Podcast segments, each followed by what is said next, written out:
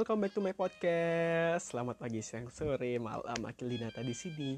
Hey, pada segmen kali ini gue bakal ceritain sedikit cerita motor yang memiliki cukup banyak kenangan dan kisah di kehidupan gue dan tentunya menjadi salah satu motor kesayangan juga sih. oh ya, kalian semua belum pada tahu kan soal motor yang satu ini. Mungkin bagi para penggemarnya sudah tidak asing lagi sih dengan motor yang satu ini. Ya, dia adalah sebuah skuter Piaggio Vespa XL 150 lansiran tahun 1989. Sudah cukup tua sih untuk sebuah motor. Sebelum masuk ke sejarah motor di kehidupan gue, alangkah baiknya kita ulas dulu terlebih dahulu soal sejarah motor ini hadir di Indonesia. Ya, motor yang satu ini di launching pada tahun 1987 dikeluarkan secara resmi oleh pihak dan motor Indonesia. Pada saat itu pihak dan motor Indonesia menghadirkan Vespa XL ini untuk menggantikan varian sebelumnya yaitu Vespa PX Lawasan ya kan. Soal PX ada varian terbaru juga ya yang biasa disebut Neo PX. Eh kok jadi melenceng sih? ada segmen lain untuk bahas PX. Karena ya alhamdulillah gue punya juga baik ke topik ya Excel ini memiliki mesin 150cc dengan dua langkah atau yang bisa kita sebut bahasa pasarannya dua tak lah ya kan ya kalau bahasa kerennya two stroke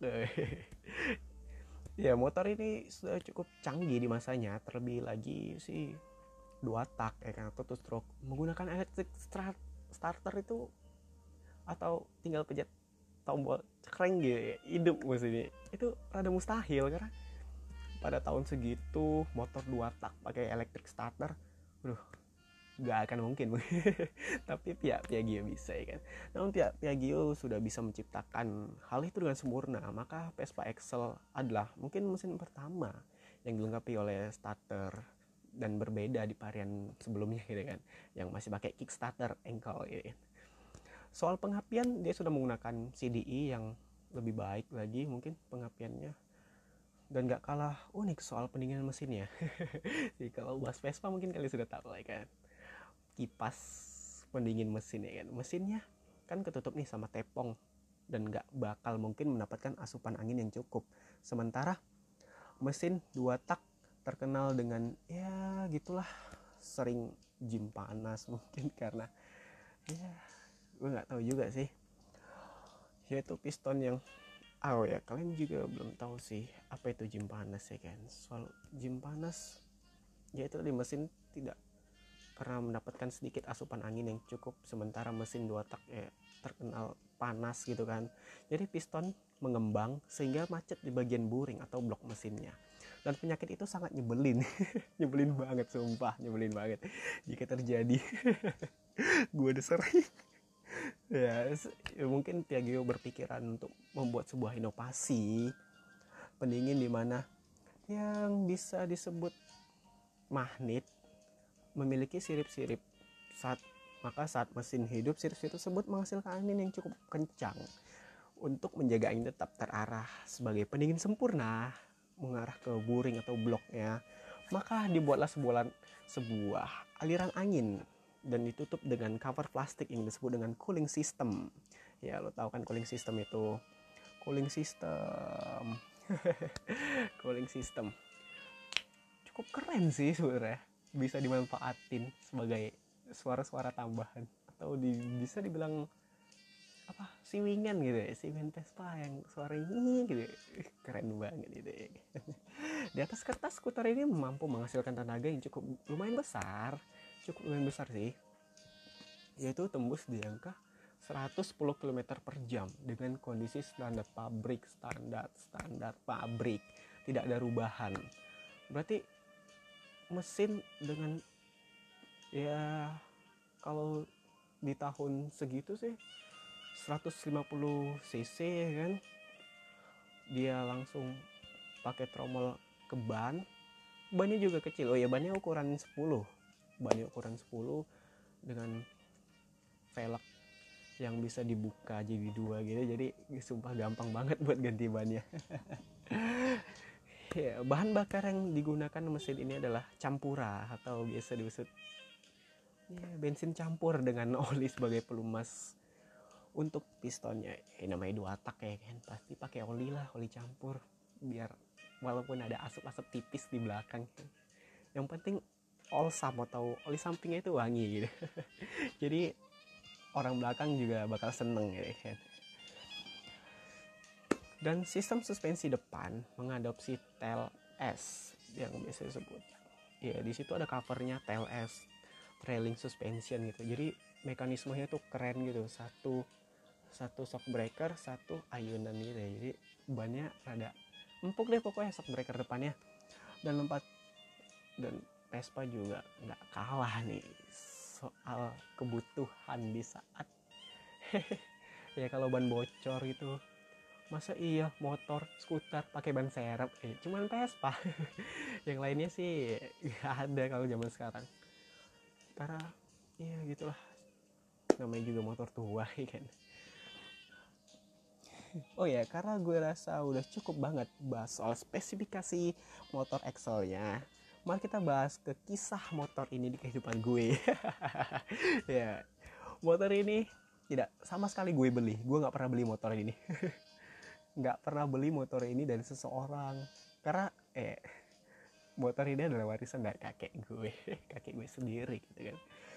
Ya warisan dari beliau. Kakek gue adalah seorang kepala sekolah dulu kepala sekolah di sebuah SD dan pada masa itu para guru atau pegawai negeri pada tren-trennya pakai Vespa Excel. Ya, kalau uh, udah pakai Vespa Excel oh guru nih oh pegawai negeri nih gitu ya kan.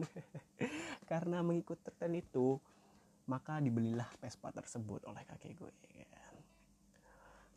dalam kondisi grass dari dealer masih berplastik dengan elektrik starter ya udah ganteng banget pada masanya gitu kan. Ya mungkin beliau sangat antusias mengikuti tren motor itu. Kenapa motor ini sekarang bisa ada di tangan gue gitu kan. Sejarahnya panjang banget sih sebenarnya ya. Dulu waktu gue masih jadi anak satu-satunya itu kan kan gue anak pertama nih.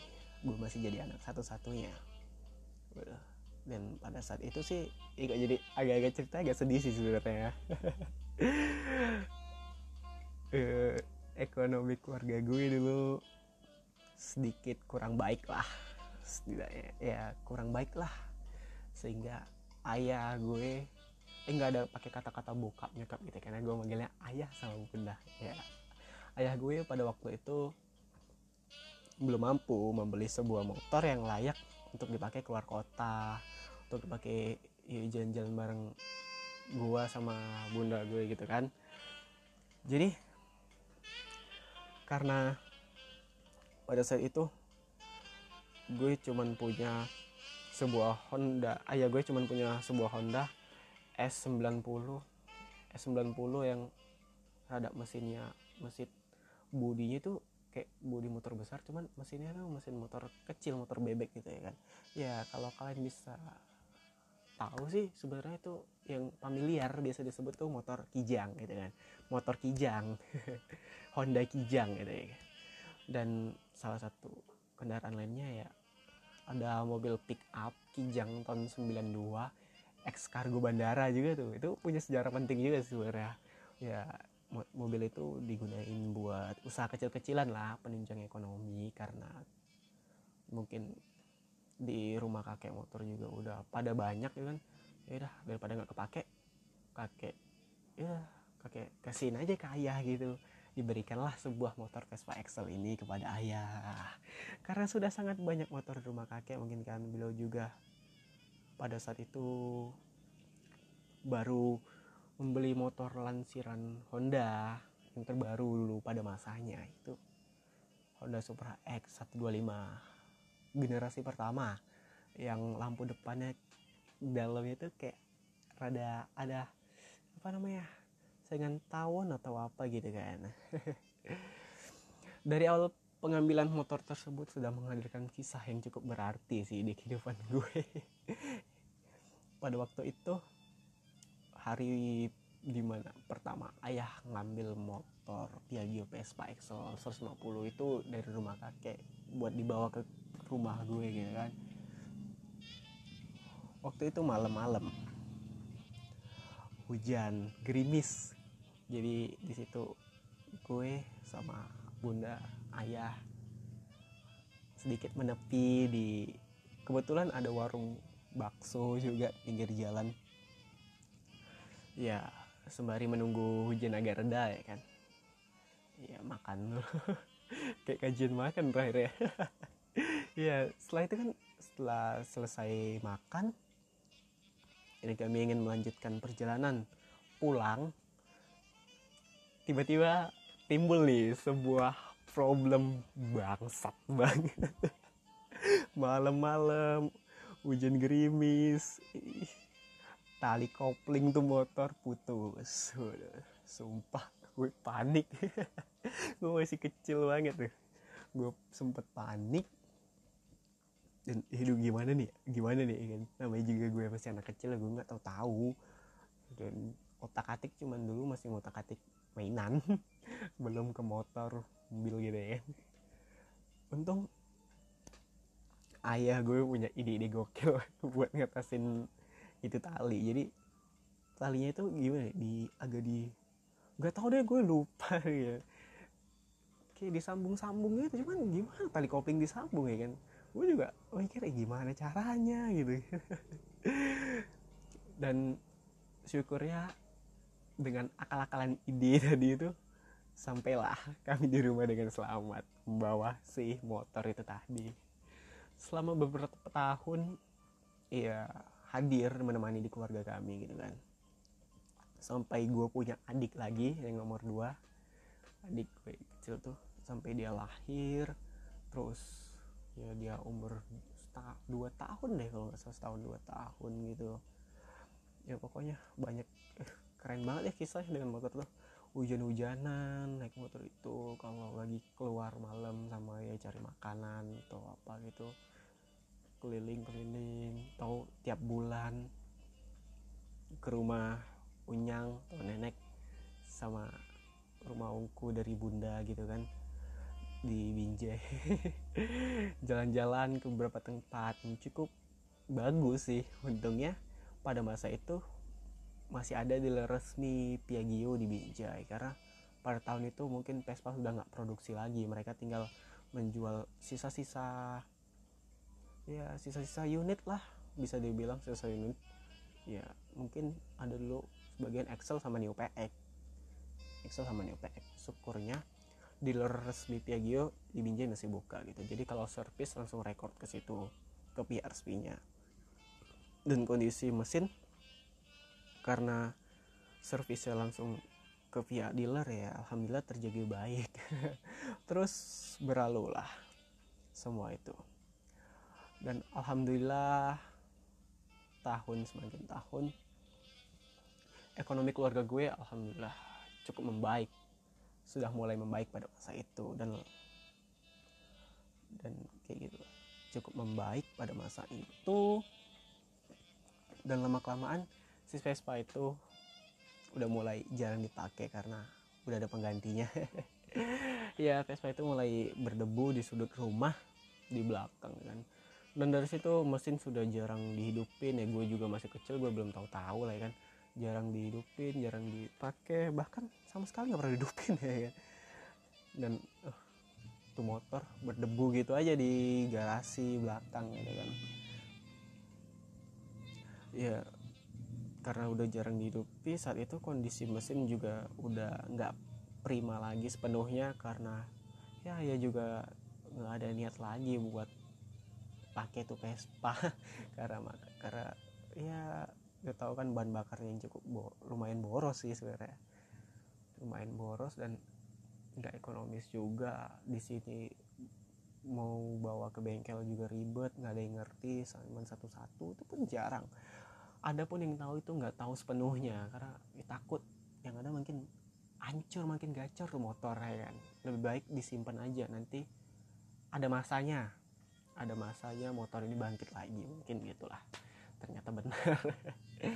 Ya setelah bertahun-tahun kejogrok di sudut rumah sampai bensinnya basi total gitu kan. Bensinnya kayak bau cat gitu bau cat minyak nggak tahu ya bisa kayak gitu. Bensinnya bannya kempis nggak ada anginnya sama sekali. Dan ya tentunya olinya juga udah pada basi udah mungkin udah fix nggak bisa dipakai lah. Udah berdebu banget kalau mau sih. Ya dibersih bersihin dulu pasti dibawa ke bengkel ujung-ujungnya. Dan entah kenapa kan entah kenapa entah kenapa tiba-tiba gimana ya? Gue nggak nggak nggak terpikir aja gitu kan. Gue nggak terpikir aja. Tiba-tiba hari minggu kan ayah terdorong untuk menghidupkannya kembali gitu. Setelah hidup beberapa minggu dibenerin sendirilah di rumah kan dengan akal-akalan.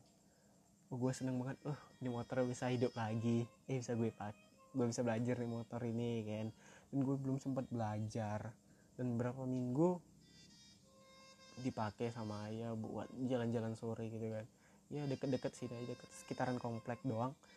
Dan setelah berapa minggu mesin itu dihidupin dikendarai.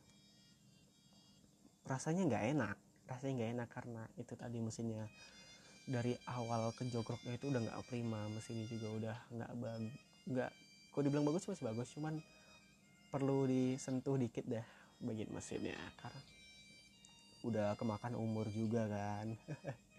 Udah kemakan. Ya abis itu ya udah balik lagi ke jogrok di ujung rumah. Di ke jogrok berdebu lagi numpuk lagi. Dan setelah beberapa tahun setelahnya setiap pulang sekolah gue itu suntuk nggak ada kerjaan. Setiap pulang sekolah itu cuma tidur makan nonton TV buat buat gambar dan gitu kayak lama-lama suntuk gitu kan. Sehingga eh, kenapa gue nggak hidupin di motor? Gue tuh pingin banget. Dulu kan gue pingin coba gimana sih bawa Vespa gitu kan. Sementara gue belum pandai belum tahu sebenarnya apa itu Vespa gitu kan. Jadi tangan gue gatel juga. Ya rasa-rasa juga kayaknya enak nih bawa Vespa gitu ya hampir seminggu setiap gue pulang sekolah gitu kan. Gue pancing hidup mesinnya dengan akal-akalan yang bisa gue buat buat. Sebenarnya itu ngerusak mesin loh. Sebenarnya itu ngerusak mesin banget. Sebenarnya itu ngerusak mesin banget. Dan pada saat itu gue nggak tahu kenapa gue bisa berpikiran seperti itu kan. Waduh sumpah. Tuh sebenarnya fatal kalau yang gue lakuin tuh fatal. Setiap minggu ya kok setiap minggu setiap hari sih gue pancing hidup. Gue masukin bensin dari lubang businya lu bayangin. Dari lubang busi gue masukin bensin itu langsung ke buring sementara piston tadi piston tadi ring-ringnya bakal aus kalau nggak dipancing pakai oli gitu kan. Oke. Gue saat itu belum tahu sumpah gue belum tahu apa-apa. Dan udah beberapa hari gue engkol hampir seminggu. Akhirnya terakhir kali gue engkol gue udah tidak mau nyerah gitu kan. Ah ngapain lagi lah gini orang nggak hidup hidup kok. Dan gue cuma bisa suara denger jreng gitu doang ya kan. Buat apa? Capek doang ya kan. Tapi entah kenapa di hari terakhir itu tiba-tiba dua kali gue kickstarter gue engkel gitu kan. Langsung hidup tuh mesin. Langsung hidup sumpah. Langsung hidup dengan bensin basinya tadi breng breng gitu. Terus saya wih wih wih gitu. Uh, bisa hidup juga nih uh, bahagia nih. Gue bahagia banget karena mesinnya berhasil hidup dengan ya karena gue belum tahu gue anggap sempurna lah pada waktu itu ya. Ya saat itu sama sekali gue belum tahu cara pakainya gimana cara pengoperasian persnelengnya gue belum tahu. Yang gue tahu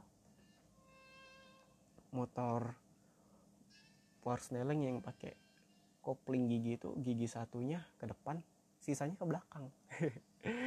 Dan gue gak habis pikir ternyata itu salah. Vespa tidak seperti itu. Vespa tidak seperti itu. Dan aduh itu juga sebenarnya hal yang fatal yang gue buat. Ngancurin mesin. Gue gak habis pikir aja jadi ancur gitu ya kan. Lalu gue coba-coba gue coba-coba kok rasanya beda gitu. Gimana nih gimana nih gitu kan. Yaudah deh. Karena ternyata salah. Akhirnya gue coba-coba lagi. Setelah berapa lama sekitar berapa jam lah gitu kan gue coba tuh motor. Akhirnya gue tahu cara pengosiannya gigi satunya tuh ke depan. Eh gigi satunya ke belakang sisanya ke depan gue pikir ini motor kopling kok aneh banget gitu gue sumpah gue nggak tahu. Ya pada saat itu gue udah mulai oh gini cara pakainya gini cara bawanya gini. Oke udah mulai sedikit nalar lah sedikit ngerti gitu kan. Karena terlalu semangat langsung gue bawa tuh motor wih keliling komplek dengan suaranya yang ganteng gue rasa ganteng pada masa itu padahal dianggap orang tua banget gue bawa motor ya kan dengan penuh semangat oke deh. Bunda gue telepon waktu masih kerja kan. Jemput mas katanya kan. Iya akil jemput tidak akil jemput gini gini langsung gue bawa tuh motor jemput bunda. Kerja pulang kerja ya. eh dengan laganya gue pede aja bawa tuh motor. Bodoh amat masih debu-debu. Campur sawang-sawang gaurasi mungkin masih ada laba-laba kecil di sekitar motor itu. Yang penting dua tak dengan suara garing keren deng deng gitu ya kan. Berapa waktu gue pakai lah tuh motor ya kan. Gue pakai tiap pulang sekolah gue pakai pulang sekolah gue pakai karena antusias gue tadi terlalu tinggi sebenarnya. Antusias gue terlalu tinggi pakai motor itu. Ya udah deh. Setelah itu gue pakai beberapa lama tanpa servis tanpa tanpa elus-elusan di mesin ya ajib lah. Ajib banget. Motornya tahan banget gue barbar. Tanpa servis gitu kan. Les bimbel pakai itu motor terus ya main main sore pakai itu motor kebut-kebutan pulang les sama teman gue Rizky di Batubara kalau masuk dalam podcast nih sorry banget kita pernah hampir menabrak mobil gara-gara ngebut-ngebut pakai di motor ya kan? Pulang les kan buset banget gitu ya kan? Ya pokoknya seru lah pakai tuh motor kan? Dan karena waktu itu kalau nggak salah sih gue pulang sekolah juga. Pulang sekolah pakai motor itu sore sore kan? Maksudnya karena tangan gue gatel gitu kan tangan gue gitu ini motor gimana sih? Kok mesinnya beda gitu uh, ya gila pada saat itu gue isi isi minyak isi ban bakarnya tanpa oli samping nih. Gue gak punya oli samping lu nggak pernah gue beli oli samping buat stok kan. Jadi udah isi bensin aja gitu kan nggak nggak pakai oli samping. Waduh. Tiba-tiba gue jalan saat kok mesinnya kasar banget gitu kan buset kok kasar banget. Ini mau ancur atau gimana nih? Kan rupanya karena nggak ada oli samping itu tadi pelumas untuk ke pistonnya ya nggak ada gitu. Sehingga buringnya itu kasar buringnya kasar dan ring-ringnya itu pada getes mungkin dalam gue nggak tahu. Dan gue kalah deh gimana nih ya pakai apa gitu? Oli kotor nggak mungkin? Bau banget pasti kan. Udah gue kalah kalin katanya bisa pakai minyak makan. Buset buset. Lu bayangin coba. Uh, oli samping motor pakai minyak makan itu akal-akalan dari mana? Waduh sumpah baunya setengah mampus. Lebih baik gue pikir-pikir bagus lebih kalau kotor daripada pakai minyak makan. Tapi selain ori kotor kan biasanya ada pasir-pasir seraliknya gitu. Jadi nggak bagus buat pistonnya ada lecet ntar. Ya udah pakai minyak makan lah. Pakai minyak makan. Waduh. Itu orang yang di belakang tuh gue rasa kalau bisa maki maki sih. Ya karena terus itu gue rasa makin lama makin gak enak tuh motor. Biasanya kan kalau motor motor motor empat tak biasanya sih uh cek cuci karburator lah gitu ya. Cuci karburator e, bersih bersihin dikit biar rapi gitu kan. Rupanya yang kali ini beda nih cuy. Tangan gue gatel banget tangan gue gatel banget. Tangan gue gatel banget. Enggak. Karburator kok beda sih? Iya, gitu kan. Karburatornya kok beda karburatornya ini gimana cara pengoperasiannya gitu kan mulai mulai gatel ya mulai diusik-usikin dikit gitu.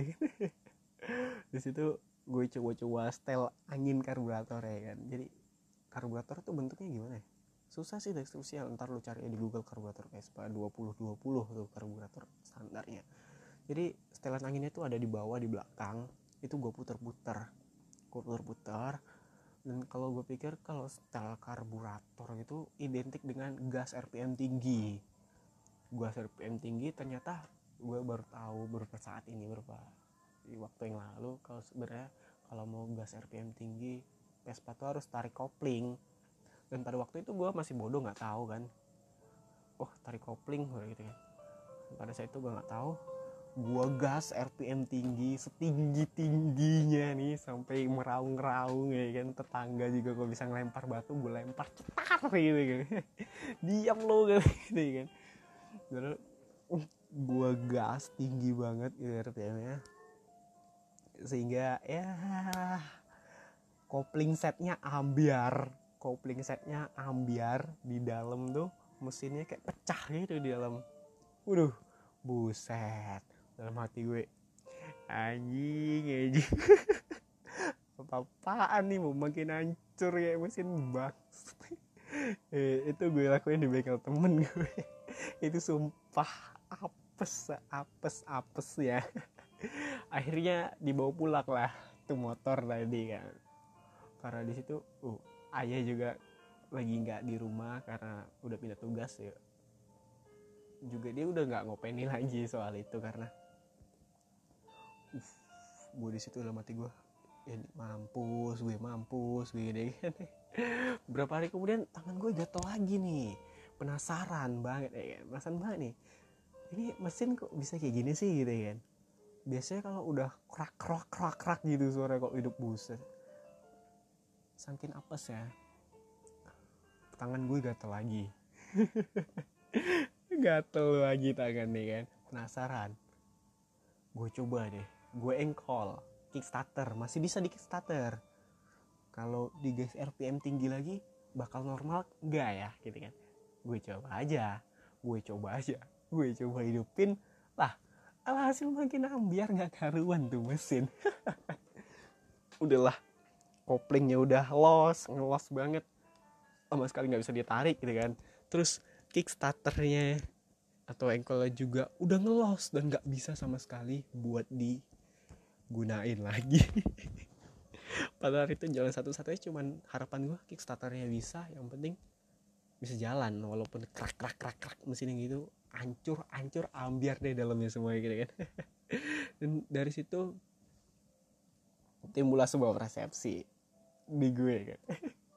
Bahwa pix mesin itu jebol bol bol gym nggak tahu deh hancur dan kawan-kawannya gitu kan dan pada saat itu ayah juga udah nggak tinggal satu rumah lagi dengan kami karena udah berbeda tugas jadi tiap minggu aja pulangnya. Pada saat itu udah nggak nggak ada waktu lagi buat nyentuh itu motor. Sebenarnya kalau gue usahain gue pancing-pancing gue rai-rai gue aset-aset sih mungkin ayah mau buat benerin tuh motor lagi. Ya tapi gimana lah ya kan namanya juga waktu ya nggak ada. Gimana lah mau nyentuh tuh motor lagi gitu kan. Ya ya udah kejogrok lagi tuh motor. Biarkan ambiar ambiar mesinnya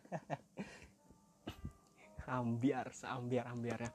Oke segini dulu buat episode satu episode episode pertama dari Piaggio Vespa Excel 150 warisan kakek untuk lanjutannya bakal ada di podcast episode kedua yang bakal mungkin berapa hari ke depan bakal gue keluarin lagi buat episode keduanya. Oke, gue Akil Dinata pamit undur diri. Wassalamualaikum warahmatullahi wabarakatuh. Dan jangan lupa kalian follow juga ini podcast gue. Dan bila kalian berbesar hati juga gitu kan. gue agak, agak ngakak sih sebenarnya mau ngucapin ini. Kalian juga bisa follow IG gue di H A Q fuck gitu kan. Underscore dinata. Ya mungkin kalian juga mau lihat-lihat beberapa motor yang gue punya di halaman akun media sosial gue itu ya kan. Oke mungkin gitu aja di podcast kali ini bila ada salah kata gue mohon maaf bila ada mungkin referensi-referensi podcast ke baru ke depannya buat gue bisa kalian DM aja gue dari IG tadi. Terus kalian kasih referensi biar gue bisa kasih mungkin ya celotehan-celotehan gitu lah buat podcast baru ya kan? Mungkin ada topik dari kalian yang bisa gue angkat buat jadi podcast gue juga. Dan oh mungkin podcast bersama gitu ya kan. Ya kasih aja referensi ke gue. Gue nggak pasti gue pelajari kok. Nggak bakal gue sia-siain gitu aja. Oke gitu aja mungkin. Gue juga udah capek ngomong dari tadi.